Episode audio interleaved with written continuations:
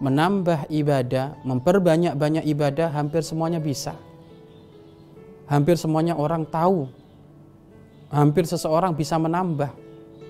Akan tapi menjauhi kemaksiatan, meninggalkan yang haram, ini termasuk adalah orang-orang pilihan. Tidak bisa dikatakan semuanya orang muslim akan mudah untuk menjauhi kemaksiatan. Maka benar apa yang disampaikan oleh baginda Nabi Muhammad SAW. Al-muhajir man hajar wal mujahid man jahada hawa.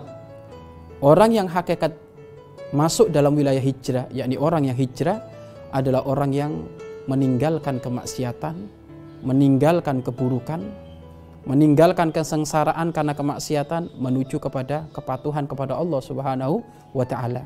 Wal mujahid adapun hakikat orang yang berjihad berperang di jalan Allah adalah menjahad hawa orang yang memerangi hawa nafsu. Maka menjauhi kemaksiatan sungguh lebih berat daripada beramal ibadah.